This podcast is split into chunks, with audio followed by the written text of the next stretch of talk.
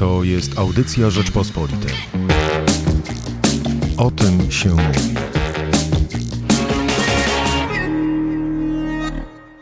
Michał Płociński.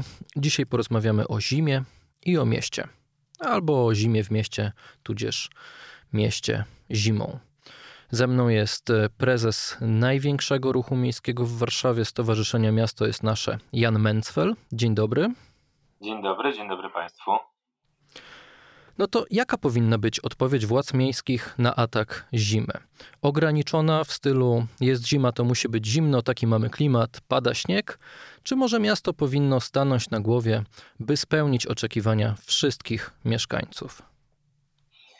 No myślę, że przede wszystkim e, należałoby się zastanowić nad tym, które grupy mieszkańców mogą e, w największy sposób odczuć e, ten atak zimy. Czy może się to odbić na ich, nie wiem, bezpieczeństwu, w ogóle możliwości poruszania się i funkcjonowania. No i myślę, że takimi grupami no, stosunkowo najbardziej w tych warunkach narażonymi na, na jakieś konsekwencje mogą być na przykład osoby starsze, seniorzy, albo też osoby poruszające, odbierające dzieci z placówek, które, takich jak przedszkola, które w końcu jednak działają teraz normalnie pomimo pandemii. E, no i na tych grupach należałoby się skupić w pierwszej kolejności. No, mam wrażenie, że niekoniecznie to się dzieje i że trochę idziemy takim starym schematem e, sprzed pięciu, jak nie dziesięciu lat, e, no bo w końcu takich zim przez kilka lat nie mieliśmy. No i zachowujemy się tak, jakby nadal był rok, nie wiem, 2010 e, i pierwszym zadaniem samorządu było doprowadzenie do tego, że jezdnia jest absolutnie czarna tuż po tym, jak śnieżyca się zakończy.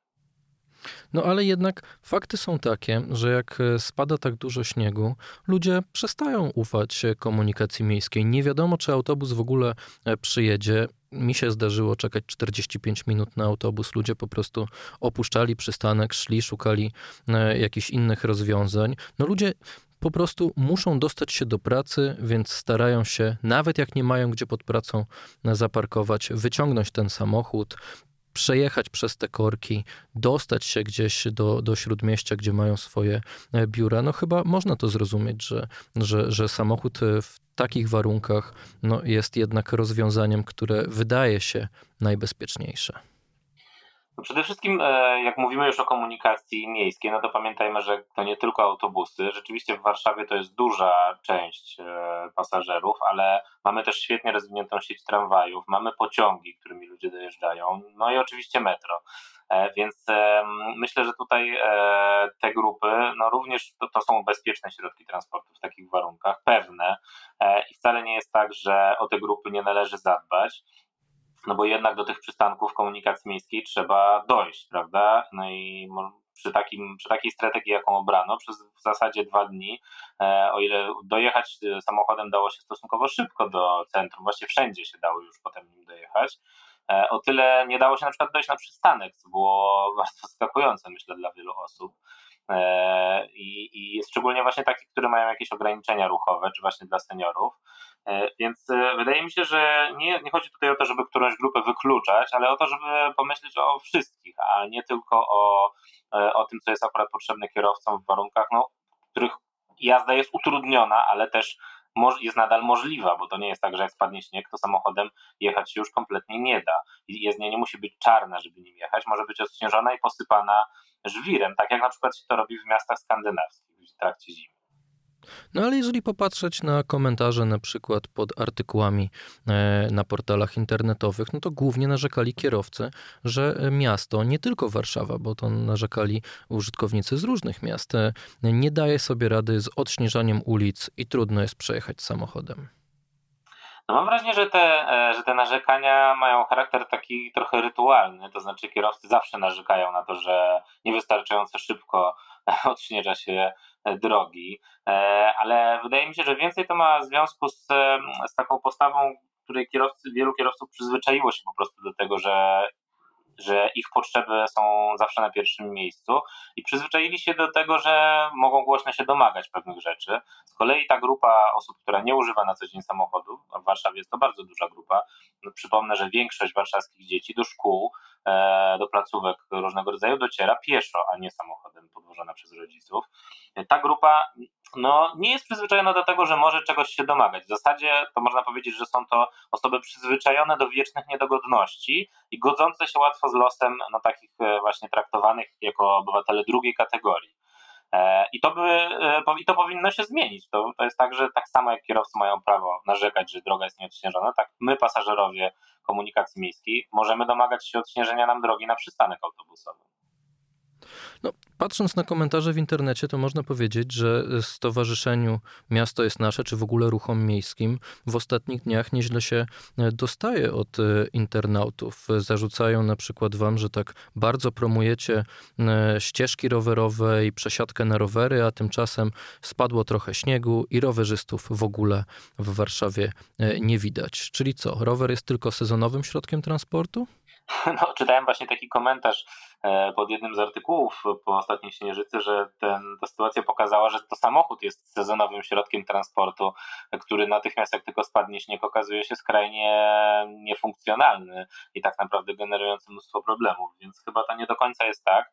No i zresztą jeżeli popatrzymy na przykłady z miast skandynawskich, e, czy to Danii, czy Szwecji, w których no, ten udział rowerów w ruchu jest przez cały rok bardzo duży, to wynika to tam z tego, że na przykład drogi dla rowerów są tam odśnieżane. W tej chwili Warszawa, największe miasto, które no, rozwija swoją infrastrukturę rowerową, akurat postanowiło w tym roku nie odśnieżać w ogóle dróg dla rowerów, więc no też nie dziwmy się, że wiele osób, które latem korzysta z tego środka na co dzień, no w zimie niestety odstawia ten rower do, nie wiem, do garażu, czy po prostu nie używa go.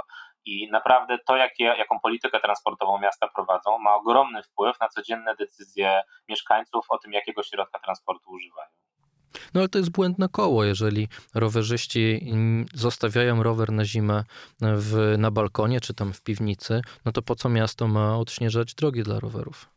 No, to jest pytanie chyba w stylu, co było pierwsze, jajko czy kura. No, to może w takim razie, gdybyśmy zrobili taki eksperyment, że po roku rekordowym dla warszawskiego ruchu rowerowego, bo taki był rok 2020, e, wzrost, ogromnego wzrostu tych podróży rowerowych codziennego użytkowania roweru przez mieszkańców. E, jednak postanowilibyśmy, że dobrze, zachęcamy też się do jeżdżenia rowerem zimą, odśnieżamy w pierwszej kolejności drogi, drogi dla rowerów.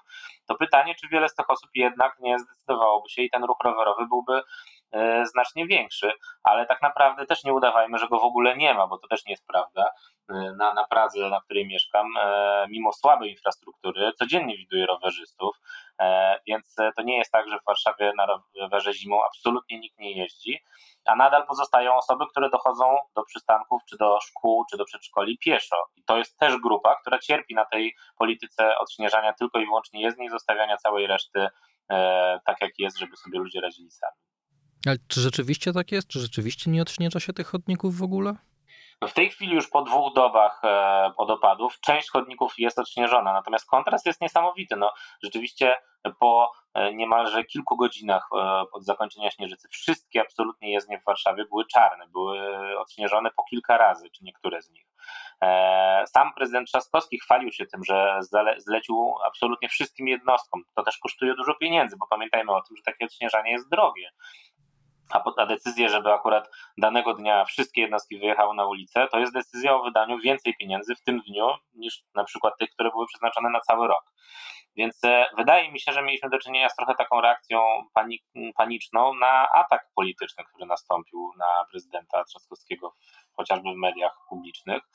E, a nie miało to nic wspólnego z taką racjonalną, e, racjonalną gospodar gospodarką, gospodarowaniem też budżetem miasta i tymi jednostkami, które powinno być chyba bardziej dostosowane do realiów no też pogodowych, bo jaki sens ma odśnieżanie w trakcie, kiedy śnieg jeszcze pada? No nie ma to żadnego sensu, bo za chwilę droga będzie znów śliska, prawda? No, pan postawił nawet radykalną tezę w internecie, że Warszawą rządzi Jacek Kurski. Tak, no właśnie miałem taką, e, miałem taką, e, takie wrażenie, że prezydent Trzaskowski reaguje e, już kolejny raz na takie ataki w TVP jakimiś panicznymi ruchami. Organizuje na szybko pewne decyzje, podejmuje pewne decyzje na szybko, organizuje jakieś sztaby, wydaje też publiczne pieniądze tylko i wyłącznie po to, żeby uciszyć e, permanentny atak, e, który trwa w telewizji publicznej.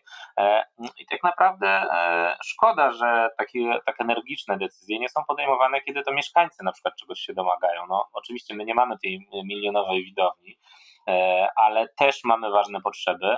No i myślę, że też e, argumenty, nie tylko mówię tu o naszym stowarzyszeniu, też innych ruchów miejskich, chociażby te, żeby bardziej energicznie podejść do poprawy bezpieczeństwa ruchu drogowego na co dzień, no, są w gruncie rzeczy bardziej rozsądne niż oczekiwanie TVP, że Rafał Trzaskowski ma natychmiast odśnieżyć wszystkie ulice e, w trakcie, kiedy śnieżyca jeszcze trwa. Czyli co? Nie ruchy impulsywne, ale no właśnie, jakaś długofalowa polityka?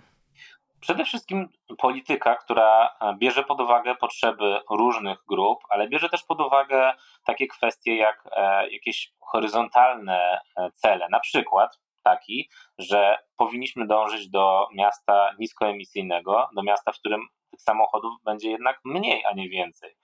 No mam wrażenie, że decyzjami, w którym natychmiast odśnieża się jezdnie, a zostawia się śnieg na, wręcz wrzuca się ten śnieg na chodniki albo gromadzi się go przy przejściach dla pieszych, nie zachęcimy ludzi do rezygnacji z samochodu. To znaczy będziemy mieli tych samochodów coraz więcej, e, a nie coraz mniej. No i to jest w gruncie rzeczy trochę wbrew też mm, deklaracjom samego pana prezydenta, który mówi, że klimat dla niego jest ważny, że potrzebujemy e, niskoemisyjnej gospodarki, ale mówi to wtedy, kiedy słuchają go politycy z Unii Europejskiej, dla których to jest ważne, ale, ale na co dzień już te decyzje idą w zupełnie innym kierunku.